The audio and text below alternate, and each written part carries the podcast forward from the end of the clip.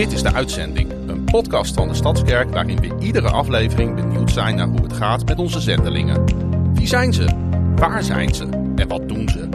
Je hoort het in deze nieuwe aflevering.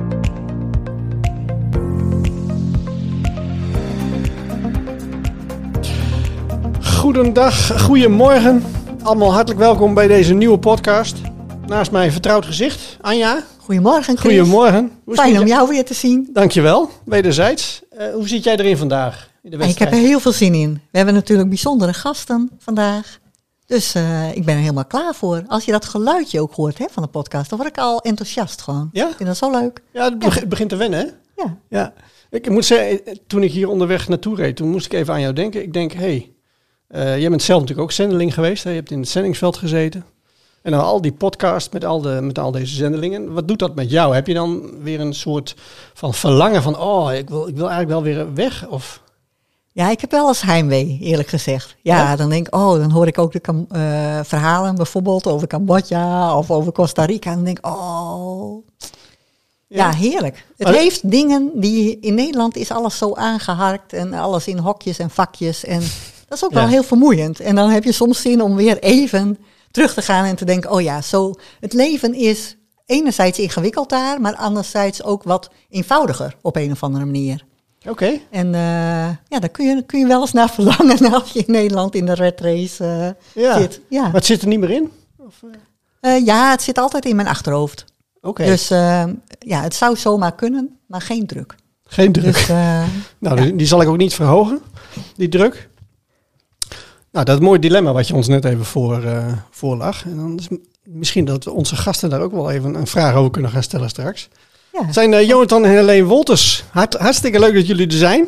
Dankjewel. Leuk Dankjewel voor de uitnodiging. Ja, Ja, ja. leuk om hier te zijn. het is, we hebben wel eens een, eh, soms hebben we zendelingen op afstand, hè, dat we via een, eh, een internetverbinding hebben. Maar ja, live is altijd veel leuker. Ja, Dus eh, nou, fijn dat jullie er zijn. dank je. Ik ben even benieuwd.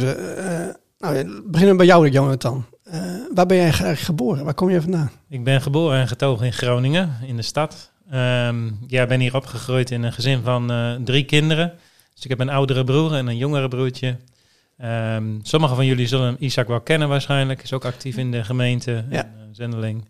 Dus ehm, ja, Ehm, ben hier ook naar school gegaan. Ehm, ja, heb eigenlijk mijn hele leven, totdat ik eh, naar Cambodja ging, eh, in Groningen gewoond. Oké. En, Ja. en wat voor gezin was het? Eh, wat, wat deed je vader bijvoorbeeld? Of wat? Mijn vader heeft verschillende dingen gedaan, maar heeft onder andere bij het gemeentelijk vervoersbedrijf gewerkt. Daar is hij begonnen. Ehm, en uiteindelijk he- heeft hij een ehm, afdeling gerund op metaal, eh, bewerkingsbedrijf. En uiteindelijk is hij omgeschoold tot maatschappelijk werker. Oké. Dus ja, Nou, zit in de familie. zeg Zit in de familie. Ja, ik wou Ja. zeggen. we- Ja. we- straks wel even horen of jij op je vader lijkt of niet. Of misschien meer op je moeder. Maar, eh, ja. ja. en jij dan, Helene? Waar- Wat, ben jij, eh, wat heb jij voor achtergrond? Eh, nou, ik ben geboren in eh, Wierden. Dat is in de, vlakbij Almelo, zeg maar, tussen Wierden en Rijsenin. Oh.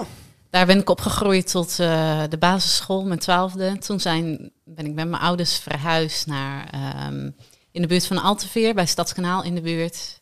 Daar ben ik blijven wonen ehm, tot begin twintig. Toen een jaartje Zwolle en toen eh, Jonathan ontmoet. Ik ben opgegroeid ehm, als kind met drie oudere broers en mijn ouders hadden een boerderij. Oh, een Ja. boerendochter? Ja, ja. Oh. En, Wauw. en le- leven jullie ouders nog of niet? Ja. Ja? ja, allebei. Ah, mooi. Ja, ja. Fijn. Ja. Hebben ze nog steeds... Ja, je, hebben je ouders nog de boerderij? Of? Nee, die zijn in, in, inmiddels met pensioen. Ja. En eh, ja, we zijn heel dankbaar voor onze ouders. En ze zijn meerdere keren in Cambodja ook op bezoek geweest. En, Wat leuk. ja, heel mooi. Ja. Ja. Ja, nou, hartstikke leuk. We gaan zo meteen eh, veel meer horen wat jullie allemaal eh, gedaan hebben. Wat Ja. jullie levensverhaal eigenlijk is. We gaan ook even, eh, even jullie, ja, om jullie beter te leren kennen, gaan we jullie straks meteen wat dilemma's voorleggen. Mhm. En daar hebben we een prachtig, eh, prachtig item voor. Komt ie hoor.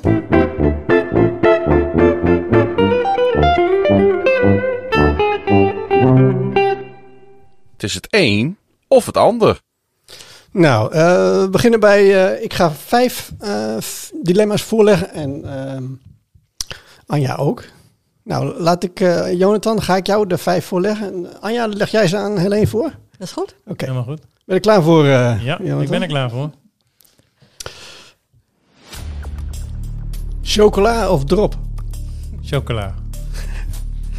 Opwekkingsliederen of eh, Engelstalige worship? Engelstalige worship. Ben je geduldig of zachtmoedig?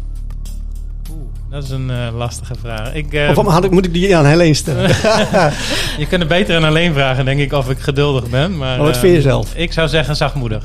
Oké. Stampot of curry? Curry. Stad of platteland? Ehm, ja, die is lastig. Stad. En waarom is die lastig? Eh, omdat ik wel van de ruimte hou en ook wel van eh, de rust die daar heerst. Maar ik vind het ook fijn om mensen te ontmoeten. En daarom vind ik de stad ook wel echt eh, een plek waar ik eh, ja, gewoon me- onder mensen kan zijn. Dat, dat, ja, dat is echt iets wat bij mij past, zeg maar. Ja, want je bent natuurlijk een stadje. Ik ben een stadje, ja. Dus je bent een beetje die drukte, vind je wel... ja, maar ik heb ook in Phnom Penh gewoond, de hoofdstad van Cambodja. En dat was iets minder. Mm. ja, want dat Ja. was het wel heel erg druk, zeg maar. Oh, zo ja. Ja, dus een beetje mierenhoop, zeg maar. Dus eh, ja, dat Ja. was eh, iets minder. Oké. Ja. Nou, dankjewel. Ja. Ja, dan, eh, ben jij aan de beurt, Ja. eh, Helene. Appel of kokosnoot? Eh, kokosnoot. Zingen of bidden? Zingen. Wauw, dat gaat eh, heel snel. Zomer of winter? De zomer. Hemel of nog even niet? Ehm, nog even niet, maar ik wil wel graag naar de hemel op Gods tijd. Hmm. En dan kerst of Pasen? Pasen. En kun je daar iets meer over vertellen? Eh, nou, de betekenis is natuurlijk eh, ja, dat Jezus is opgestaan. Dat is het grootste feest. Ehm, en ik denk in al die jaren in Cambodja is er minder, eh, niet minder betekenis aan kerst gekomen, maar minder viering met familie en eh, vrienden, zeg maar. Ja. Dus we leefden daar meer met de betekenissen in plaats Ja, van de rituelen die erbij horen, zeg maar. Ja. Dus Pasen Mooi. is belangrijker geworden. Ja. Ik maakte zo net al een grapje met Chris over de kokosnoot. Ik zeg, ja, Cambodja, daar kom je gewoon om in de kokosnoten, zullen we zeggen. Waar je kijkt, Ja. daar heb je koken. Ja, En daar hou je dus ook van. Nou, ik ben ervan gaan houden. Oké, ja. Ik dacht, eh, dit moet ik lekker gaan vinden. En ik begon het lekker te vinden Oh, na een tijdje. Ja. Ja, En nu ja. hou ik ervan. Ja. Ja. Ja. Ja. bijzonder. Want inderdaad, het is een land eh, van kokosnoten, denk Ja, ik. precies. alles. Dus- eh, Je krijgt ook heel vaak kokosnoten aangeboden als je ergens op bezoek gaat. Dus ja, ik heb eigenlijk die keuze gemaakt. En dan verandert je smaak blijkbaar ook. En dan allemaal gerechten maken met kokos? Ja, Ja, ook ja, veel. Ja, curry's en eh, dat soort dingen. Ja. Ja, vandaar Jonathan zijn voorliefde voor ja, de curry natuurlijk. Ja, Ja, ja, absoluut. dat aten we Ja. heel veel. Ja. Heel veel rijst met curry's of eh, andere dingen. Ja. en nu nog steeds. Hebben jullie dat meegenomen naar Nederland? Mm, eh, n- niet zoveel meer, maar ik denk wel dat we weer meer gaan doen. We moesten eerst onze weg weer vinden met alle Nederlandse producten en ja, andere manier van koken. Maar eh, we gaan het wel steeds meer weer doen. Ja, Leuk. Ja, je, je sprak net even over die ontmoeting hè, met Jonathan, dat dat in Zwolle was. Nou, Jonathan's verhaal die stopt eigenlijk in Groningen. ik ben even benieuwd, wat, eh, hoe, hoe, hoe heeft Zwolle jullie samengebracht? Nou het was niet zozeer Zwolle, het was eh, internet wat ons samenbracht. Oké, dus heel veel eh, gesprekken. Eh, destijds, eh, ja, eh, Funky Fish was het hè? Ja, ja, ja. Ja, ja. Dus eh, dat was niet. toen Ja. nog niet zo eh, bekend. Nee. Maar goed, ik eh, kende niet heel veel eh, jongens destijds in mijn omgeving met een levend geloof. En ik zocht eigenlijk wel iemand, een christen. Dus eh, ik ging eens kijken op internet. En eh Jonathans verhaal sprak mij vooral heel erg aan. Zijn zoektocht eh, ja, in geloof, eh, naar de Heilige Geest. En zo hadden we goede gesprekken. En vanuit vriendschap werd dat langzamerhand een relatie. oh, wat leuk, Ja, ja, bijzonder. Wauw. Ja. ja, Ja, dus zo kun je iemand ontmoeten in Zwolle, hè? ja. ja. Ja, via internet bedoel Ja. je? Ja. Ja. Ja. En hadden jullie toen ook al gedacht aan zending? Ja, eh, toen ik Jonathan ontmoette, kwam ik net terug uit Kenia. Ik was daar drie maanden geweest. Ik was 21. En eh, Jonathan was dus op zoek om iets te betekenen in de wereld voor ja, arme mensen. Dus ik zei, ja, nou moet je naar Kenia gaan. En eh, Ja, jij bent toen met een vriend naar Kenia gegaan, hè? Ja, dat was eigenlijk wel bijzonder. Ik was echt op een beetje een zoektocht. Ik was net gedoopt, ook in de Stadskerk. En ehm, ja, was eigenlijk in een geloofproces op zoek naar van wat, wat nu meer. En als kind heb ik eigenlijk altijd een droom gehad om naar Afrika te gaan. Ik weet niet precies waarom, maar dat zit er altijd al van het jongst af aan in. En toen leerde ik Helene kennen en toen kwamen de wegen naar Kenia open, zeg maar. En ehm, nou ja, zo is eigenlijk de eerste zendingsreis ook begonnen. Dus toen ben ik Ja? in, de, in een zomervakantie eh, met, samen met een vriend naar Kenia gegaan om daar te werken in een eh, eh, project voor jongeren die op straat leefden. En dat was een soort rehabilitatieproject. En dan over welk jaar praten we nu? Eh, 2006, hè? 2006 was dat, ja. Ja. Zo. Tijdje Alweer 17 jaar geleden. Dat is alweer even geleden, hè? Ja, Ja, ja, Ja, er, is, er is veel gebeurd in die tijd, denk ik. Ja 17 absoluut. jaar. Ja, ja, Ja. zeker weten. Ja. ja. En toen kwam je terug. En toen kwam ik terug. Nou, ik wou eerlijk gezegd wou ik niet terug. Ik heb eh, zelfs mijn tijd nog verlengd daar tot het langste tijd. Ik zat in mijn opleiding maatschappelijk werk, dus ik moest wel terug voor mijn laatste jaar. Maar als het aan mij had gelegen, was ik daar gebleven. En eh, was ik niet weer teruggekomen en was ik gewoon eh, gegaan. Natuurlijk was Helene ook in die periode in beeld, dus daarvoor Ja. kwam ik ook terug natuurlijk. Maar, en uiteindelijk denk ik dat het goed was om ons ook goed voor te bereiden op zending. Maar daar heeft mijn hart voor zending wel echt gaan kloppen. Ehm, ja, het was gewoon zo heel mooi om eh, daar op straat te werken, om een toekomst te bieden voor jongeren en ehm, ja, Ja. zo ook de weg naar God te wijzen. Hebben jullie nooit een maatschappelijke carrière overwogen?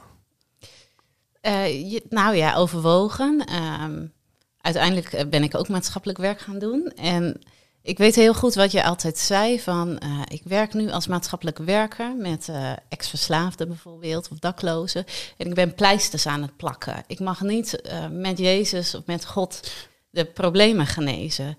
En dat was ons hart natuurlijk. Dus Ja. wel overwogen, maar ergens zat er altijd een onrust in ons... van we weten dat we niet de rust in Nederland hebben. Ja, En ja, zo kwam langzamerhand die roeping voor zending. ja. Ja, Eigenlijk, ja, dat, jammer hè, dat je dat in een maatschappelijke carrière, dat je dat niet kwijt zou kunnen.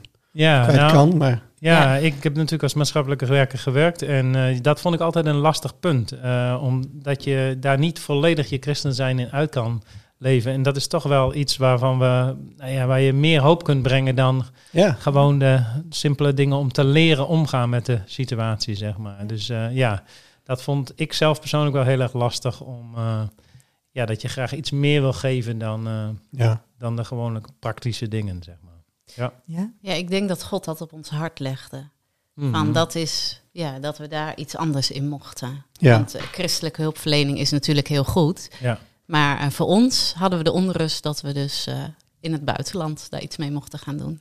Ja. En hoe kwamen jullie op het idee om je verder voor te bereiden? Hè? Want Jonathan, je zei net van, ik had het liefst gewoon in Kenia willen blijven. Ja, ja, nou ja, wij zijn eh, uiteindelijk een, eh, samen op zoek gegaan. Dus we hebben meerdere reizen gemaakt door Kenia en ehm, Zuid-Afrika zijn we ook geweest. Dus we, eh, we waren beide niet zo goed in eh, vreemde talen. Dus Engels was nog redelijk te doen voor ons. Dus vandaar dat we dachten, laten we het zoeken in Engelstalige landen. Ja? En Afrika hadden we beide natuurlijk ervaring. En, ehm, en, en nou ja, een zoektocht eh, was daar wel gestart, zeg maar. Ehm, ja, en toen kwam het wat serieuzer van wat gaan we nu doen, waar gaan we naartoe. En eigenlijk in een van die reizen werd ook wel door de meeste zendelingen gezegd van... hey, bereid je nou goed voor, Eh, ga het niet half doen. Eh, ik snap je enthousiasme, ik snap je eh, passie, maar wees verstandig. En Mhm. op dat moment eh, snapte ik dat nog niet zo goed. Maar nu kan ik achteraf zeggen, ja, dat was heel verstandig. Ja. En nou ja, ik moet ook zeggen, de Stadskerk is daarin ook best wel eh aansturend geweest van ja, het is belangrijk dat jullie een bijbelschool gaan doen om voorbereiding te gaan doen. Nou ja, en dat is gewoon heel goed geweest. Dus we hebben een jaar lang een bijbelschool gedaan in eh, Cornerstone in Beugen. Ehm, en dat is gewoon heel goed geweest om ons voor te bereiden ehm, om de weg in de zending in te gaan, zeg maar. Ja, want eh, Anja, dat weet jij dan natuurlijk ook eh, misschien wel in, uit die tijd. Ja, ik weet het niet meer, maar nu hebben we dan Into Mission hè, als ondersteunende organisatie of wat dan ook. Maar dat, in die tijd was dat nog niet zo? Nee, nee, toen hadden we wel als criterium zo van ga met een organisatie. Hè? We gaan niet op je eigen houtje doen eh, waarvan je denkt dat je geroepen bent. Maar zorg voor goede begeleiding, zorg voor goede oriëntatie, dus goede voorbereiding. Ja. En dat hebben jullie ter harte genomen. En daar zat wijsheid in, om het zo maar even te zeggen. Ja, daar zat wijsheid in. Want je bent enthousiast en je wil gaan, maar uiteindelijk is een goede voorbereiding om het lange termijn vol te kunnen houden gewoon heel Ja. erg belangrijk. Ja. Ja. Ja. Ja. Want jullie hadden Afrika op jullie hart. Ja. En toen gingen jullie naar Cornerstone. En toen, wat gebeurde er? Nou, eigenlijk voor Cornerstone, als ik dat nog even mag delen, is er een heel proces geweest waarbij we, eh, met name ik heel erg het verlangen had om terug te gaan naar dat project waar jongeren eh, geholpen werd. Eh daar was ook een vraag of, wij daar, of ik daar zou willen helpen met het opzetten van het project. Dus eigenlijk kwamen we terug naar Nederland met het idee van oké, dat is een mogelijkheid. Helene, mijn vrouw, had er iets minder rust en vrede over. Dus we gingen, we gingen daarvoor bidden van, eh, heer, wat wilt u? En ehm, nou ja, dat was best wel bijzonder. We hebben een aantal mensen gevraagd om daarvoor te bidden. En eigenlijk zei iedereen nee. Nee, nee, je moet niet gaan. En dat was voor mij eigenlijk alsof de deur zo in mijn gezicht geslagen werd. Eh, dat was even heel heftig voor Mm. mij om door te slikken. Ehm, maar ja, het was wel heel duidelijk een nee van God. Het was niet zo per een nee van deze personen, maar ik kon echt daar Gods hand in zien. ja, dat zag je toen ook al. Eh, toen vond ik het wel lastig. Ik wist wel dat het God was die sprak. Mhm. Maar ja, eh, dat was wel even lastig om, de, Ja. om te verkroppen. Ehm, zeker. dus nou ja, dat was eigenlijk vlak voordat we Cornerstone begonnen. Eh, dus toen zonden wij een beetje van, en nu dan? Ehm, nou ja, op de Bijbelschool Cornerstone hoorden wij meer over de onbereikte eh, bevolking. En ehm, ja, dus toen is onze focus wat gaan verleggen van, hey, maar als eh, er werd bijvoorbeeld nummers genoemd van 8% van de zendelingen gaat maar naar de onbereikte bevolkingsgroepen. Ja. Dat sprak heel erg tot ons hart. En toen Ja. hadden wij zoiets van, ja, dan willen wij juist gaan naar waar mensen niet gaan. Mhm. En eh, zodoende kwam Azië eigenlijk op ons eh, pad. Oké, Ja. dus Ja. eigenlijk puur voor, omdat de roep om daar te weinig mensen, te weinig zendelingen eigenlijk relatief eh daar naartoe gaan. Ja, we kregen de kennis eh, van het 1040-raam, noemen ze dat ook wel. Als je dat over de wereldkaart legt, dan is het eigenlijk een soort raam wat je erover kan leggen met Noord-Afrika, zeg maar. En dat trek je door naar Azië. En dat waren dus de 8% van de zendelingen die daar naartoe gaan. En ja, de moslimlanden, de boeddhistische landen. En eigenlijk zonder dat we dat met elkaar besproken, hadden we een, tijd, een tijdje later, zeg maar, gingen we in gesprek. Toen zeiden we, ja, eigenlijk legt God Zuidoost-Azië op ons hart. En toen we dat van elkaar hoorden, van zo'n visieverandering eh, Mhm. in ons hart bewerkt, zonder dat samen te hebben bedacht, dachten van, dit moeten we verder gaan onderzoeken, zou dit van God zijn?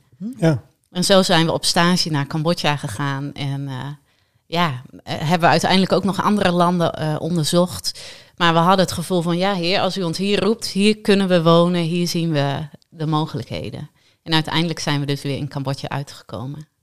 Hebben jullie dat leven in afhankelijkheid van God, hè? dingen vragen aan God voor sturing en, en, Mhm. en visie? Hebben jullie dat altijd gehad? Of is dat iets wat zich, eh, als je kijkt naar 16, 17 jaar geleden en nu, is dat, is, is dat iets wat zich bij jou ontwikkelt? Of hoe? Ja, absoluut. Dat Ja? is echt iets wat ontwikkeld is. Ehm, ja, zeker in het begin is dat heel erg zoeken. En ook wel zoeken naar van wat is je eigen verlangen? Wat is echt Gods stem? En hoe kun je samen zoeken eh, als eh, partners, maar ook hoe kun je samen zoeken in een bredere zin, als een TFT of een groep mensen die voor je samen bidt. Ja. En dat is echt wel een proces geweest waarin we groei zien en waar ik nog steeds mag groeien. En eh, ja, dat is gewoon heel mooi dat je mag leren om Gods stem te verstaan. En ook nu samen als gezin zijn we er ook in aan het zoeken. Met de keuze om eh, nu dus terug te zijn, hebben we ook ja, juist de kinderen proberen te leren en te betrekken in hoe versta je nou Gods stem als er zo'n vraag voor je ligt. Dus ja, elke keer eh, merken we weer dat we daarin groeien in dat stukje. ja, want wanneer zijn jullie vertrokken naar Cambodja? In welk jaar was dat? In 2013. 2013. En eh, hoe oud zijn jullie kinderen? Hadden jullie toen al kinderen? Of? Eh, de oudste was acht maanden. Oké. Dus dat, we gingen met een babytje weg. En de tweede is dus eh, in 2015 in Thailand geboren. Oh.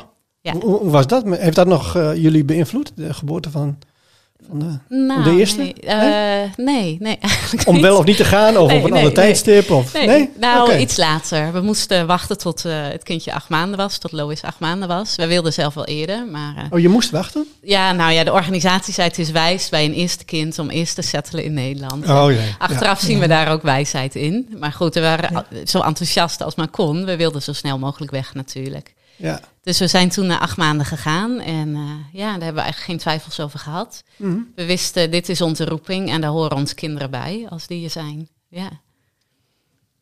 Ja, dat- ja, doe maar. Ja. Hoe was het om dan in Cambodja aan te komen met een klein eh, babytje? En hoe, hoe heeft die eerste tijd eh, eruit gezien? Ja, dat was Ehm, zeker wel even wennen. Ik, eh, ik kan me nog steeds herinneren hoe we uit de taxi stapten voor ons huis. Het was heel mooi. Er was een Nederlands stel van een andere organisatie eh, die daar was, eh, waar we mee in contact waren. En die hadden een huisje voor ons geregeld. En ehm, ja, ook een bedje bijvoorbeeld. De, de belangrijkste dingen die je natuurlijk als ouder hebt, zeg maar. Dus ja, dat was gewoon heel mooi om, om, om dat te hebben. Maar dan voel je je in één keer heel vreemd in een vreemd land en in een vreemde omgeving. En het was ook wel vrij eh, laat in de avond, dus het werd ook gauw donker en zo. Dus eigenlijk pas de volgende dag besefte je van... hé, hey, ik ben in een totaal andere wereld. En eh, dan word je wakker met de motors die eh, langs je huis heen chasen. De brommers. De brommers, ja, ja, ja. Dus dan krijg je een heel ander geluid. En dan besef je ook wel dat je in een hele andere wereld bent. Ja. En dat, dat is natuurlijk wennen van, eh, ja, je moet je boodschap op de markt gaan doen eh, met een baby die iedereen prachtig vindt. Want het schoonheidsideaal is daar hoe eh, blanker, hoe mooier. Dus zo'n blanke baby, daar wil iedereen aan zitten en Ja. voelen. En Oké. nou ja, Ja. je moet je weg gaan vinden in een, in een druk verkeer, een mierenhoop. Ja, rij je daar op je motortje, brommertje, zeg maar, een soort motorscooter. Ehm, ja, met z'n drietjes eigenlijk daar dwars doorheen. En dat is wel wennen. In het begin was het dus ontzettend wennen. En toen we weggingen was dat eigenlijk ons normale leven. En Ja, was dat gewoon ons normaal. En vonden we dat heerlijk. Ja. oké. Want wat, wat wij veel horen van zendelingen is dat ze op het moment dat ze daar zijn in, de, in, in zo'n land van bestemming, Ja. dat het in, in het begin is het allemaal nieuw en denk je van Ja. oh spannend en bijzonder. Maar op een gegeven moment komt het besef van hé, hey, we, gaan, we wonen hier, Ja. Ja. we blijven hier eigenlijk. Ja. Ja. Ja. Je hebt- Is dat bij jullie ook zo gegaan? Ja, je kan dat eigenlijk heel. eh, is eigenlijk bij iedereen gaat het vrij hetzelfde. Dat is een, eh, een cultuurshock. Dat Ja. is eerst de honeymoon noemen ze dat. Van alles is prachtig en dan kom je in een dal en dan ga je langzamerhand eh, een beetje op en neer en uiteindelijk vind je stabiliteit. En dat hebben we ook gemerkt. De eerste jaren ja, zijn prachtige momenten. Eerst is het een honeymoon en dan wordt het lastig. En ik weet, na een paar maanden waren de verkiezingen. eh, nou, er waren heel veel spanningen. En in de krant staat gewoon eh, ja, dat de oorlog verklaard wordt als iemand niet verkozen wordt, zeg maar. Dus het was best wel een heftige situatie. Ja, en er gebeurt van alles. En dan denk je, waar ben ik beland? Mhm. Maar ja, Wat uiteindelijk vind je je Ja. normaal daar ook. En na een paar jaar ben je helemaal gewend aan dat leven. En ja, dan begin je te bloeien daar, zeg maar. Ja. Ja. Ja. En hoeveel jaren kost dat, denk je, normaal gesproken, of in jullie Ja. geval? Nou, de eerste twee jaar hebben wij vooral eh, veel de taal geleerd. Eh, het Cambodjaans, het Khmer, zeg maar. Het eerste jaar fulltime, daarna parttime gingen we bij projecten eh, meedraaien, meewerken. En dan daarna ja, kom je echt dieper, een diepere laag bij mensen kan je binnenkomen, omdat je de taal beter spreekt. En dan begin je meer ja, tot bloei te komen, zou ik willen zeggen. Ja. ja, dus die lokale taal is echt heel belangrijk als ik jou... eh, Als je hoor. ja, diepere, diepere gesprekken wilt hebben, dan is dat essentieel, zeg maar. Ja. En hoe Ja. was dat voor jullie? Want jullie zeiden aan het begin van wij zijn niet van die taalwonders. Nee, nou dat is wel bijzonder. Ik ben dyslectisch. Ehm, dus dat betekent dat lezen en schrijven voor mij in het Nederlands al een beetje lastig is, zeg maar. Dus ik heb mijn Engels met name geleerd door televisie te kijken. En eh, de, subtitel, de ondertiteling kon ik niet zo goed lezen, dus daardoor heb ik Engels geleerd eigenlijk. Ehm, Zelfdidact. ja. Ja. ja. dus ehm, toen wij naar Cambodja gaan, was dat ook wel best wel een beetje een vraag van... Hey, hoe zou dat gaan met de taal? Zouden we de taal kunnen leren? En met name ook het lezen en het schrijven, zou dat mogelijk zijn? Maar ja, dit is eh, God, denk ik, die daar doorheen werkt. Want eh, wij zijn dus in een, een land gekomen waarbij de taal dus niet, zeg maar, letterlijk achter elkaar staan. Maar het is eigenlijk een, een plaatje die je ziet. Dus je hebt in het midden een soort eh, kernletter, zeg maar. En daaromheen staan de, de, de letters eromheen, zeg maar. Dus je Oh ja? leest niet van links naar rechts het hele woord, zeg maar. Ja. En dat met dyslexie gebeurt er eigenlijk iets in je hoofd, waardoor die letters gemixt worden. Maar doordat het een plaatje is, kan het eigenlijk niet. Oh, het past perfect bij jou. Dus dat paste heel mooi bij mij. Dus Ja, ik kon heel, heel, heel makkelijk eigenlijk lezen en schrijven. Of heel makkelijk. eh, maar Ja. wel redelijk makkelijk deze taal leren. En ehm Cambodjaans is ook een van de Aziatische talen die niet toon, eh, geen tonen kent. Eh Dat Thai scheelt. bijvoorbeeld heeft heel Dat veel tonen. En eh, dat maakt een heel erg groot verschil, ja. Dus het was goed te leren. En wat we ook in de voorbereiding eh, heel erg hebben geleerd: van het gaat niet altijd over taalgevoel, maar veel meer over doorzettingsvermogen. Ja. Dat hebben we ons Ja, altijd ja. voorgehouden ook. En eh, ja, dat is eigenlijk heel goed gegaan uiteindelijk. Ja. Ja, Eh, wat voor mensen zijn de Cambodjanen? Uh, ik zou zeggen, het zijn mensen met een, een, een smile op hun gezicht. Uh, ja, het, zijn heel, het is een heel vriendelijk volkje. Uh, dat is eigenlijk de eerste ontmoeting. Maar daarachter zit best wel uh, veel uh, drama en mm. ja, ook wel trauma. ja, ze hebben natuurlijk de periode van, de, van Pol Pot, hè, de ja. Rode, Khmer gehad. Ja, en dat ja. is tot 1996 nog doorgegaan. Zo. Dus dat, is, ja, dat is nog best wel kort en heel recent. Dus je ziet eigenlijk zo'n bevolking die daar nog steeds last van heeft. En zelfs een soort tweede generatie uh, trauma heeft opgelopen. Want het zijn natuurlijk gebroken gezinnen waar we het over hebben. Uh, ja, ouders die niet meer samen uh, met één. Vertrouwen is bijvoorbeeld iets wat heel erg beschadigd is in deze situatie natuurlijk. Dus ja, er zit heel veel wantrouwen. en wantrouwen naar, tussen bepaalde bevolkingsgroepen of? Ja, naar elkaar. Nou, je kunt je een beetje voorstellen dat de Khmer Rouge waren natuurlijk ook Cambodjaanse mensen. Dus er zijn mensen die elkaar tegenkomen op de markt. Die weten van, jij hebt mijn familie vermoord. En dat is de realiteit. Dus ja, dat is natuurlijk een hele weerbarstige realiteit, maar zo is het wel. En dus is dat vertrouwen heel erg beschadigd en is het heel erg lastig van, ja, waarom heb jij dat gedaan en waarom past jij, zat jij niet aan de andere kant, zeg maar? Waarom zat jij aan die Ja, kant? ja. Dus dat zijn hele grote vraagstukken natuurlijk. En eh, daarbij is het een groepscultuur. Dus heel erg, eh, dingen worden al- altijd gedeeld. Dus dat betekent dat als ik het met jou deel, dan gaat het de hele familie rond, zeg maar. Dus dan, er is niet zoveel privacy in dat opzicht. Ja, privacy is geen concept, zeg maar. Nee. Iedereen kennen weet alles niet. van elkaar. Ja, Dus eh, ja, vertrouwen is daarin dan ook heel lastig als iedereen alles weet. En we hebben wel gemerkt, juist als buitenlander daar, ben je dus eh, ja, de vreemdeling, zeg maar, die dus niet in de groep zit. Dat zit soms juist een hele hart uitstorten, omdat het ergens kan. Ah. Dus dat was eigenlijk een mooie ingang ook. eh, ja, Ja. Als iemand buiten de groep die dus betrouwbaar is. Of die ze kunnen vertrouwen, waar ze al hun problemen Ja. kunnen neergooien zonder dat dat in hun eigen groep terechtkomt. Want, want hoe, zag, hoe zag jullie zendingswerken daaruit? Wat hebben, hoe hebben jullie het opgezet? Nou, we hebben verschillende dingen gedaan, ook op verschillende plekken gewoond. We zijn dus begonnen in de hoofdstad eh, met het taal leren en eh, nou, contacten opbouwen, zeg maar. Toen, eh, nou, het tweede jaar en daarna ben ik met, in een project gaan werken met vrouwen die in karaokebars eh werkten. Het zij in de prostitutie of hoog risico op de, om prostituee te worden. Dus daar eh, werkte ik in een lokaal project met een lokaal iemand, gaf ik bijbelstudies en nou, een life skill boek, zeg maar, samen met een collega ontwikkeld. Dus eigenlijk ja, christelijke normen en waarden en eh, bijbellessen overdragen, zeg maar. En Jonathan is toen eh Ja, ik heb, gaan ik heb gewerkt in, eh, in een sloppenwijk van de hoofdstad. En ehm, ja, eigenlijk ben ik uitgeleend naar een andere zendingsorganisatie, OMF. En die hadden daar een project waar ze vooral werkten met mensen uit de slums. En wat daar veel voorkwam is verslaving. Ehm, dus ik heb ze daar geholpen met het opzetten van een rehabilitatiecentrum. eh, Met mijn achtergrond ook als maatschappelijk werker en gewerkt met verslaafden. Om ze daar te helpen, hoe kan je dat opzetten? Hoe kun je daar een beetje eh, je kennis overdragen? Dus maatschappelijk werkers getraind. Maar ook het opzetten van het project, zeg maar. En ook met een Mooi. lokale voorganger ging je helpen om Ja. eh, bijbelstudies te doen. Ja. Daarna zijn we verhuisd naar Siem Reap. Daar hebben we ook zes jaar gewoond.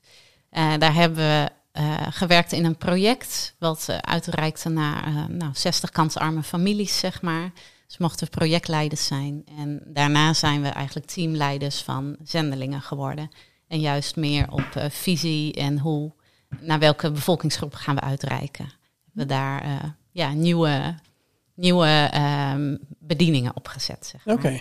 Ja. Dus allerlei als jullie- verschillende dingen. ja, ja heel veel verschillende Ja. dingen. En als je zo terugkijkt, wat heeft dan het meeste indruk op jullie gemaakt? Die negen jaar Cambodja, zeg maar. Nou, we hebben het laatste half jaar eh, hebben we een reis door het land gemaakt. Nou, niet een half jaar, in drie weken. Eh, en zijn we eigenlijk de verschillende mensen en projecten gaan bezoeken. ehm, met wie we contact hadden gehad. En we vonden het heel mooi om te zien dat we eigenlijk elke keer een schakeltje mochten zijn.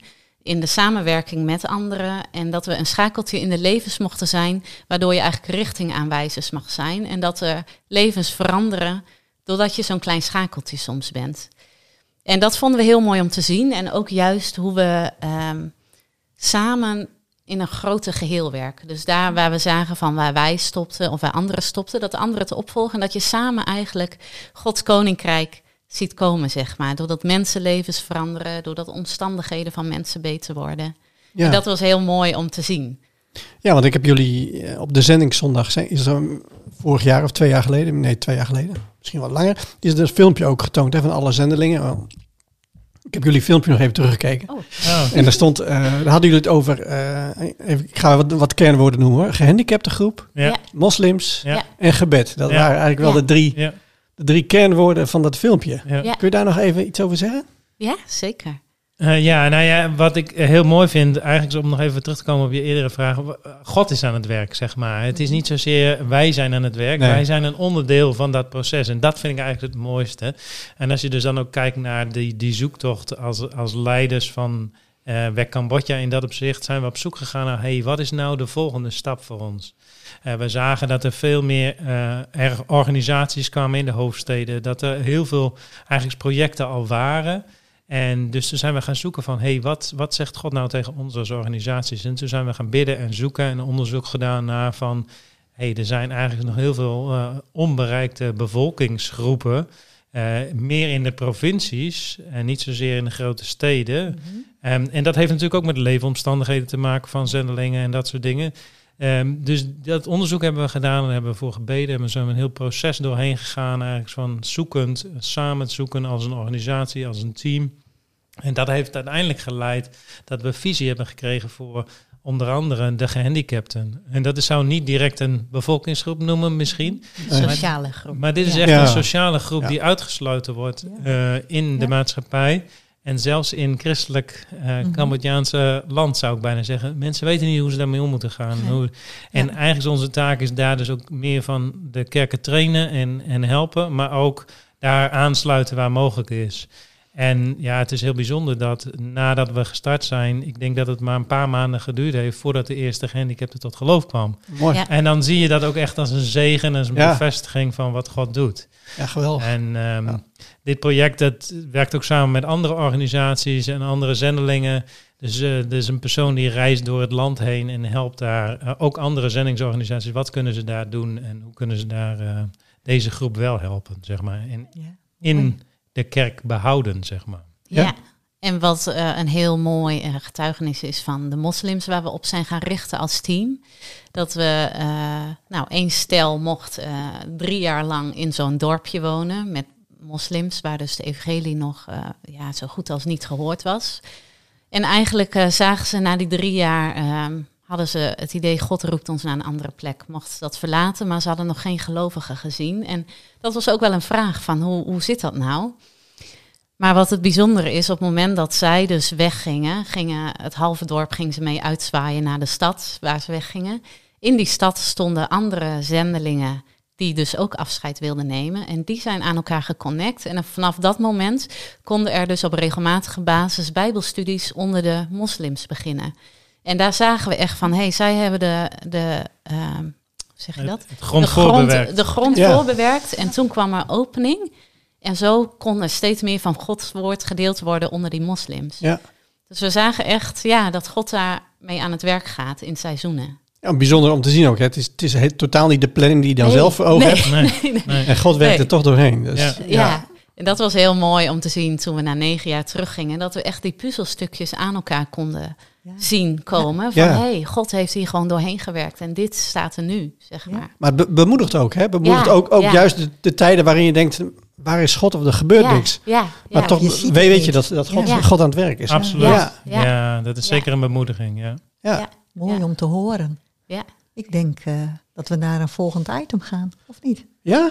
Ja, ik vind het goed. Ik, eh, ik sta helemaal in gesprek. En, eh, We kunnen Sorry, nog veel meer Ja, we kunnen, eh, nou, de volgende item eh, is ook wel een... eh, kan ook heel de- diep gaan. Anja, eh, jij gaat hem zo meteen stellen.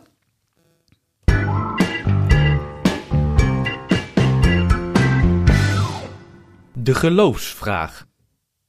Ja, eigenlijk sluit het heel mooi aan op waar jullie het al over hadden, wat jullie al ja, hebben gezien van God eigenlijk hè, in die eh, negen jaar in Cambodja. En we zijn ook benieuwd van welke Bijbeltekst heeft jullie al die jaren nou vergezeld? Hè, als je op zoek was naar antwoorden of eh, Wat, wat heeft jullie daarin het meeste geïnspireerd, zeg maar? Ehm, nou, ten eerste natuurlijk, de, de grondbeginsel van onze roeping is: ga dan heen en maak alle volken tot mijn discipelen. Ja. En ik denk dat God in elk seizoen mij in ieder geval eh, bepaalde Bijbelgedeeltes daarmee bemoedigt. Dat is niet al die jaren dezelfde geweest. Maar voor de laatste, eh, nou, jaar, twee jaar kan ik wel zeggen dat heel vaak de eh, Bijbelvers van eh, Psalm 1, vers 3 terug is gekomen om als een boom geworteld Oh ja. te zijn Ja. in Gods woord. En dat is nou ook wel echt een thema van dieper in het woord en met God zijn. Dat is heel vaak teruggekomen en ja, een bemoediging en ook een verlangen en iets wat iets aanwakkert bij mij, zeg maar. Mooi. Ja. Ja. En voor jou dan, Jonathan? Ja, ik denk dat dat ook diverse Bijbelteksten zijn. Wat ik eigenlijk heel mooi vind, is dat het woord van God zo rijk is. Dat er eigenlijk voor elke situatie wel een Bijbeltekst is. Ja. En ehm, ik weet nog bijvoorbeeld dat we be- moesten beginnen over het leiderschap eh, van, van eh, zendelingen leiden. Nou, voor mij was dat niet direct en natuurlijk eh, iets waarvan ik dacht van ja, dat is het. En ehm, toen kwam er een vers uit, De- Deuteronomium, kan niet meer exact het vers, maar dat gaat ook heel erg over van, eh, de- ja, dat je met, mag gaan met God. En eh, ja, dat was gewoon een hele erg bemoediging op dat moment. En dat zie ik eigenlijk steeds weer, dat God de Bijbel, maar ook gebed gebruikt om ons te leiden in dat proces van zoeken en waar gaan we naartoe. En eh, ja, dat is gewoon heel mooi. Ja. En hoe heeft jullie TFT daarin bijgedragen? Of hebben die daar Ja. ook in? Eh, Ja, voor grote keuzes eh, betrekken we vaak de TFT. En eh, ja, ze hebben regelmatig ook eh, luisterend bidden gedaan. Dus dan eh, zijn ze stil en dan luisteren ze en dan sturen ze naar ons wat hun indrukken zijn, Bijbelvers of indrukken van God. En ja, dat, eh, dat nemen wij mee, of dat bidden wij, zeg maar ook van Heer, wat zegt u door al deze dingen? Mhm. En uiteindelijk komt daar vaak eh, in eenheid iets uit. En dat is heel erg mooi.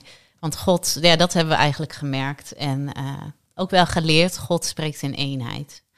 En zowel bij ons persoonlijk als we keuzes maken, als we dan nog terugkijken naar dat Afrika-stukje. eh, we hebben ook wel geleerd, van toen was het dus ook niet goed, omdat we beiden niet 100% achter stonden. Het is ook goed dat we niet gegaan zijn. Keuzes ja, maken we alleen als we er beide 100% achter staan. Oh, zo bedoel je dat met eenheid. Ja, Ja. en in eenheid, ook met een TFT of met een kerkelijke gemeente. Ja, we geloven in eenheid, dat God spreekt. En ja, zo hebben we uiteindelijk eh, ja, ook de keuze gemaakt om naar Nederland te gaan. Toen hebben we ook met Dennis en Anja verschillende keren videocontact gehad van kunnen jullie meebidden en kunnen we samen zoeken in vinden jullie dit ook Gods weg? Ja. En onze TFT en wij. En zo zijn we uiteindelijk eh, tot keuzes gekomen. Ja, en er is ook een stukje eenheid in Gods woord. Hè? Van Ja. God spreekt Bijbelversen en daar kun je gewoon Gods lijn in zien. Ja. Ja. Eh, daar moet eenheid in zitten. God spreekt zich niet tegen, om het zo maar even te zeggen. En dat, dat zien we wel keer op keer. En dat zie je steeds helderder als je dat vaker doet, zeg maar. ja, want delen jullie de, ge- de gebedsverhoringen ook met de TFT, als jullie dat... eh, Ja, Ja, ja, wij- ja, Wij hebben ook een gebedsapp uh, waarmee we onze achterban zelf delen, wat, ja, welke processen we in zitten. En ook gebedsverhoringen. En dat is ook vaak heel erg bemoedigend voor de mensen die in die gebedsapp zitten. Ja. ja, tuurlijk. Dat Ja. krijgen wij vaak te horen van er zijn zoveel gebedsverhoringen. En dan zijn we ons, ja, we delen het wel, maar je beseft het niet altijd wat Nee, er eigenlijk gebeurt. Nee, Maar God is ontzettend eh, vaak doet hij gebedsverhoringen inderdaad. En soms is het anders dan wij denken of dan onze plannen. Maar hij leidt ons dan ja, door andere mensen, door zijn woord, door de stilte. En dan uiteindelijk ja, is er een verhoring en eh, kan je Gods weg toch vinden samen. ja. Ik vond het ook zo mooi dat jullie toen gedeeld hebben, hè, toen jullie in dat proces zaten van eh, leiderschap van het WEC Mhm, eh, in Cambodja. mhm. En dat jullie samen met een team, hè, er waren heel veel verschillende mensen en jullie wilden echt samen op één lijn. Hè, wat jullie Ja. net ook zeiden in eenheid en hoe dat toen toch hè, eigenlijk heel Ja. nieuw, nieuwe visie is ontstaan. Ja. Misschien kunnen jullie daar nog iets... eh, Nou, wat we eigenlijk hebben gerealiseerd ehm, in Gods werking bij ons voor dat team op dat moment, is dat wij, wij zeggen altijd, wij waren degene die de structuren bouwen, zodat God kan spreken. Dus wij eh, zetten de lijnen uit, wij brengen mensen in de stilte en dan gaat God spreken. En we merkten dan, als wij met z'n allen samenkwamen in een team en ja, we liepen eigenlijk tegen problemen aan, dan gingen we nou ja, samen overdenkingen luisteren, maar ook heel veel stilte. van gaat God zelf maar vragen. En dan vanuit die stilte kwamen we samen. En heel vaak was het dan zo dat God had gesproken of harten had veranderd of ideeën had gegeven die allemaal als puzzelstukjes in elkaar vielen. Dus eigenlijk het faciliteren van stilte en Gods aanwezigheid laten komen, dat maakte eigenlijk het verschil. En niet zozeer wat wij uh, overtuigden op de visie die wij hadden, zeg maar. Ja. En mooi, hè? Ja. Echt zo uh, ja, mooi getuigenis, maar ook zo belangrijk, hè? Omdat ja. uh, niet alleen in Cambodja, maar ook hier, Ja, ja, omdat ja. altijd ja, Ja. God uit te nodigen in de situatie en dan samen te kijken van nou, Ja. waar komen we uit? Ja, Ja. want Ja. heel vaak kom je natuurlijk gezien met heel veel verschillende meningen, Ja. vooral met een groep. Ja, Vaak komt dat op een conflict als het, zeg maar ook, eh, dat is heel makkelijk als het over visa's gaat. Of eh, Ja. ja. dat heeft allemaal mee te maken wat je doet in zo'n land. Ja. Ja. Maar als je de stilte geeft aan God en hij spreekt, dan, eh, ja, eh, toen hadden we opeens antwoorden waar iedereen in eenheid was. En waar iedereen bereid was om zijn visa-zekerheid los te laten om iets nieuws te beginnen. En God ging toen ook voorzien. Ja. ja. Ja, God, denk- God- en God leidt niet alleen maar als je op zendingsreis bent. Nee, Ik bedoel, het is eh, niks Nee, anders nee, hier. nee. Nee. Nee. Nee. Nee. Ik denk in Nederland hebben we het ook nodig. We hebben hier zoveel meningen, Ja. toch? We vinden Ja. allemaal wat. Ja. Ja. We vinden Ja, ook klopt. overal wat van. Klopt. Dus, ja. eh, Dat is ja, in zo. dat opzicht Ja. is het wel mooi als je samen ook als gemeente Gods aangezicht kan zoeken. Hè? En, en daarin echt de eenheid en de stilte ook zoekt, zeg maar. Ja. En dat, eh, Nou ja, dat heb je Ja. natuurlijk ook wel gezien in het verleden met eh, uren van gebed. En dan zie je ook wat God gaat doen, zeg maar. Dus dat is heel mooi, ja. Ja, ja en, en God leidt. Ja. En Dat betekent dat, dat er beweging in zit. Hè? Er, gaat, Ja. er gaat iets ergens gaat er naartoe. Ja. Ja. Nou, een koffer is er heel, bela- heel belangrijk bij. ja. Klopt, ja.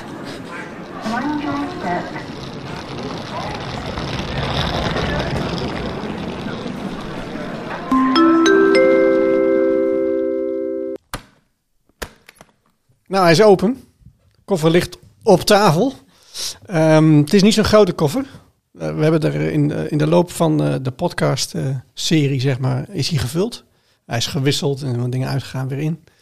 Dus aan jullie de vraag of je daar eentje straks uit wil halen, maar er ook weer even iets nieuws in wil zetten. En ja, we hebben het er even van tevoren over gehad, hè, van ja, vanuit welke pet eh, ga je dit nou straks naar kijken? Met welke bril? Ja, ja. Ga je er net eh, met een Cambodjaanse bril eh, en een reis naar kijken of, eh, of, een, of een bril eh, straks naar Emmeloord, naar het WEC? Mhm. Dus eh, nou, die invulling laten we even aan jullie. Misschien dat je er, eh, ik weet niet waar jullie voorkeur daar ligt. Maar eh, ik zal e- eerst even de items op gaan noemen die er nu in zitten. Dan kun je Ja. er even over Ja. nadenken. Ja. Een bijbel. Een load shedding light, oftewel een oplaadbare lamp. Een foto van familie en vrienden. Kleding. Een zonnebril. Wandelschoenen. Aanbiddingsmuziek. Dat kan eh, opwekking of worship zijn, eh, Jonathan. mag allebei. Eh, een leesboek. Een machette, dat is een kapmes. Dus eh, dat is hard nodig eh, Voor de in, in, jungle. in Costa Rica. Eh, en eh, een boek dat heet Uitgezonden van Corinne Nap. En eh, dat zijn ze. Nou, jij mag beginnen. Wat mag eruit? Ja. Ehm, wat mag eruit? Nou, ik zou de wandelschoenen graag, als ik het, ehm, de koffer naar Cambodja mee zou nemen, zou ik de wandelschoenen willen verwisselen voor slippers. Want daar liepen we altijd op slippers. en eh, ja, dat is gewoon heerlijk. Ehm, dus ja, dat, ik kocht meestal goede slippers hier, want daar liep je altijd op slippers. En eh, ja, dat was ook wel het fijne daarvan. Maar dan wil je wel goede, Ja. goede schoenen hebben. Of goede, Goede slippers. slippers hebben. Ja. Dus eh, ja, in dat opzicht, de wandelschoenen mogen eruit en de slippers mogen erin. Oké. Ehm, nou, als ik dan ook de koffer naar Cambodja, wat we altijd meenamen. eh, nou, het mes mag eruit. Eh, we gebruikten het daar wel, maar eh, die was daar prima te krijgen, zeg maar. Ja. Ik nam wel vaak stof mee om kleren te laten maken daar. Want we zijn nogal groter dan de gemiddelde Cambodjaan. Ja. Dus het was soms heel lastig om een beetje kleding te vinden Mm. die ik ook leuk vond. Dus dan nam ik eh, stof voor eh, rokken of zo mee, Ja, ja. rokjes. Ja. Ja. Ja. Want je vond Dus- de stof daar eh, niet jouw smaak? Ehm, nou, het was soms heb je hier gewoon fijne stof die niet zo zweterig is Oh, of zo. nee. Vooral de kwaliteit van stof. Ja. Ja, of eh, nou, dekbedden namen we ook wel mee vanwege het goede katoen wat je Oh, hier ja. hebt. En Ja. daar heb je heel zweterig. Oh. Dus stoffen zou ik Ja. meenemen. Ja. En het mes eruit. Oké. Ja. En ik ben toch ook wel benieuwd, want jullie zijn nu terug in Nederland. Ja. Wat heb je meegenomen vanuit Cambodja naar Nederland waarvan je zegt van ja, dat wilde ik daar niet achterlaten? Ehm, nou, ik heb mijn eh, servies meegenomen. Het Cambodjaanse. klein. Cambodjaans, nou eigenlijk is het een ehm, Vietnamees servies, maar in Cambodja... eh, Toen werd ik 30 jaren geleden en eh, heb ik daar gekregen. Oh. En dat vind ik gewoon een heel mooi, eh, ja, heel mooi iets. En het linkt voor mij ook aan de gastvrijheid die we daar altijd hadden. Oh ja. Ja. We aten zeker een aantal keren per week hadden we iemand aan tafel erbij, zeg maar. Eh, en dat is gewoon heel fijn. Vinden we wat samen eten met mensen, eh, een gezellige tafel Ja. en eh, gesprekken voeren. Ja. Dus dat heeft voor mij wel een betekenis. Mooi, want je zegt samen eten. Kookten jullie zelf of uh, haalde je wat op de markt? Ehm, nou, soms kookten we zelf en soms hadden we ook een, eh, een vrouw die was in het begin eh, de oppas van Esmee. En die kookte dan ook. Oh ja, Ja, Ja, dat is dus wel eh, ideaal. kookte Cambodjaans. Ja. Ja. En ook Heerlijk. het eten, koken kost daar gewoon heel veel tijd en energie. Ja. Want eh, je kookt heel, veel, koopt heel veel vers. Dus zoveel producten als in het supermarkt, dat is er gewoon niet. Geen kant-en-klare En in de hitte, nee, Nee. Dus het was heel mooi dat zij eh, destijds kon oppassen en koken. En Ja. eh, daarnaast in de weekenden en eh, nou ja, een aantal keren per week kookten we zelf ook. Oh, ja. Ja. dat deden jullie wel. Ja, Ja, want ja, je zeker. kunt daar zoveel dingen halen. Ook dat, ja. eh, We gingen ja. ook wel vaker uit eh, dan hier. hier is het eh, veel duurder. En daar is het heel goedkoop langs de kant van de weg. In restaurantjes. En ja, is het ook wel meer het buitenleven, zeg maar. Ja. Nou, nou meer aan de aardappelen en de stampotten. En de... Ja, wel wat meer. Ja. maar de voorkeur meer, gaat nog uit naar... Volker eh, gaat nog steeds uit naar rijstmaaltijden. Naar de curry's, ja, ja, ja, ja. dat, Ja. Maar nu jullie hier in Nederland zijn, en jullie gaan je al richten op het leiderschap van WEC. ja. Ja. Voelt dat ook als een zendingsreis?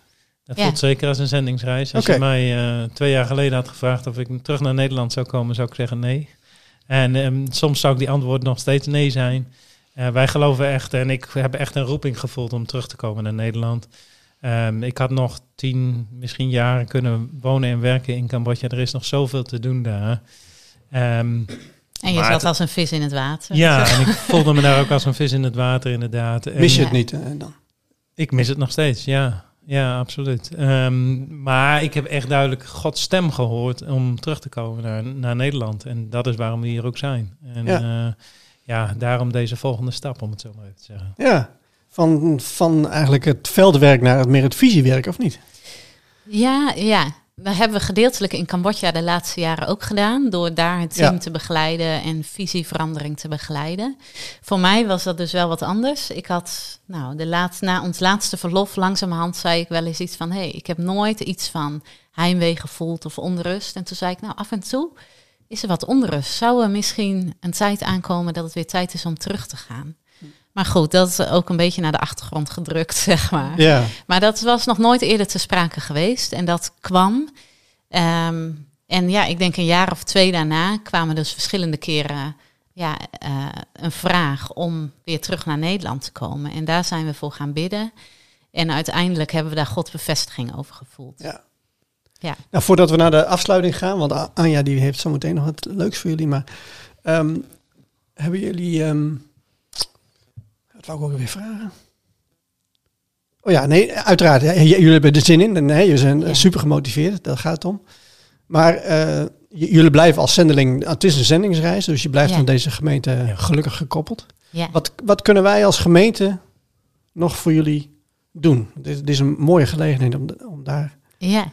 Ja, Ja. Wij, wij hebben eigenlijk altijd om onze nieuwsbrief staan bid, bemoedig en geef. Eh, en, en ik denk dat dat zijn nog steeds de belangrijkste. Gebed is gewoon het belangrijkste. Eh, God werkt door gebed heen.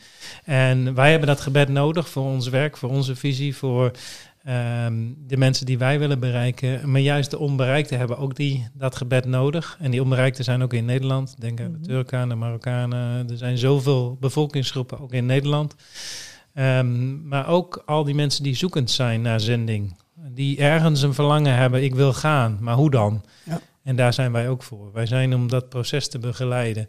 Ehm, eh, dan bemoediging. Ja, we hebben we eigenlijk allemaal nodig. Hè? Eh, hebben die bemoediging nodig. En Ja. dat is eh, zeker als je in Cambodja zit of als je ergens anders zit. Als zendeling is het zo fijn als je dat mailtje krijgt of dat bemoedigingstelefoontje krijgt. Dat is gewoon heel fijn. Ja. En dat is misschien heel klein voor de mensen hier, maar dat is echt als je op het veld zit. Ja, ik weet nog dat onze kinderen een pakketje uit Nederland kregen. Ja, dat is zij kennen Nederland als het pakketjesland, zou ik bijna zeggen. Oh ja. Maar als daar een hagelslag in zit, wat je niet kan krijgen in Cambodja, dan is dat een feest voor hun. En ja, dat zijn bemoedigingen. Ja, en wij dat hebben we heel veel ervaren in de jaren, ook van deze gemeente. Ja, absoluut. En daar zijn we, ja, daar kijken we echt met dankbaarheid op terug. Van zoveel Ja. eh, kaartjes en pakketjes eh, gekregen. Precies, maar het is ook En- meteen gelijk een oproep. Nou, een oproep Ja. voor nu in Emmeloord is het anders, omdat we vanuit daar eh, leiding mogen geven aan de zendingsorganisatie. En juist een stukje mensen op weg helpen en zending in Nederland. Dus nu is het meer, het zijn niet de pakken hagelslag, maar het is meer een, een, bemoediging in woorden misschien. Of Ja, als je iets op je hart hebt, als je voor ons hebt gebeden, dat. Ja. En eh, ja, geef. Dat is, we leven in geloof, in afhankelijkheid van God en eh, ja, van giften. ja Dat is niet veranderd in eh, al die jaren. Nee. Ja. En dat is nu ook zo. Dat Ja. is nu ook zo, ja. Ja. ja. Dan hebben we nog een verrassing. Ja, voor Heb mij je wel. daar ook een geluidje voor? Ik heb er geen geluidje voor. Ja, de- Oh. er- het, het is wel geluid, je- maar het is puur even eh relax. En eh, ik zou zeggen, geniet ervan en luister maar eens even. naar. Lieve Jonathan en Helene, Lois en Esmee. Nou, jullie hebben een bijzondere tijd achter de rug. Eh, weer terug naar Nederland. Eh, een tijdelijk huis betrokken in eh Emmeloord. Nou, sinds kort zijn jullie al druk bezig met jullie eigen huis. Nou, hoe bijzonder is dat? Mooi ook om te merken hoe jullie daar bezig zijn. Geweldig. En binnenkort verhuizen, helemaal jullie eigen plekje. Nou, vorig jaar september ook begonnen met het leiderschap van werk. Nou, daarin eh, hopen en bidden we ook dat jullie ook een goede tijd eh, mogen hebben. En eh, als TFT willen wij ook hierin met jullie mee optrekken. Nou, gewoon voor de komende tijd ook heel veel zegen bidden wij jullie toe. Liefs, Leender en Erika. Lieve Jonathan en Helene, we trekken al meer dan tien jaar met jullie op. Wat een reis hebben we samen al gemaakt. Eerst gingen jullie naar de Bijbelschool, toen naar Cambodja en nu in jullie nieuwe rol als leiders in Nederland. We zijn trots op jullie, hoe jullie je altijd wilden laten leiden door God. En ook ons betrokken in jullie gebeden. Wat een avontuur dat alle gebeden in de gebedsapp ook verhoord zijn.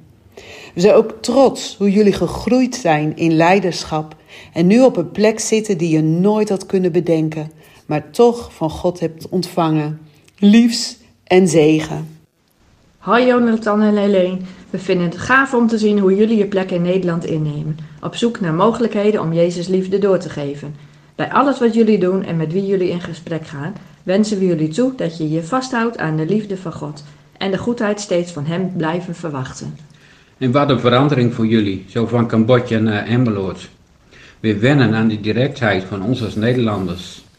Heel veel zegen en wijsheid toegewenst in het leiden van het werkteam in Nederland. We zien jullie snel weer. Groetjes van ons. Nou, superleuk. Superleuk. Ja, Ja. echt heel leuk. Voor jullie ja, allemaal bekend, hè? Ja, Ja, allemaal absoluut. lieve TFC'ers die zoveel jaren al met ons optrekken en er altijd staan. Ja. Elke maand ons bellen en eh, ja, Ja. heel lief team. Ja. Bijna een soort familie geworden, hè? Of een eh, hele absoluut. Goede vrienden Ja, natuurlijk. ja. in de Hele goede tijd. vrienden. En ja, Ja. het is gewoon heel fijn om een team om je heen te hebben om het samen te doen. En Ja. ja, ja samen visie en ook die kritische vragen durven te stellen. En ja, dat is gewoon Ja. heel goed. Ja, dat is heel Ja. mooi. Het zit erop. Nou, Nou. super bedankt. Wat Ja. vond je ervan? Heel fijn. Nou, heel leuk om Heel zo leuk. samen in gesprek te gaan Ja. en eh, wat te mogen delen. Ja, Ja. hè? Ja, van Ja. wat God eigenlijk heeft gedaan eh, in al die jaren. Ja, nou, je, je zei in het begin hè, van dit is de eerste keer dat ik eigenlijk eh, een soort eh, uitzendingsachtige situatie eh, heb. Ja, Nou, het is een, misschien dat jullie als werkleiders, eh, dat er een pad geëffend is nu. dat er Wie nog meer inter- interviews mogen komen. Ja. wie weet, daar staan we open voor. Ja, precies.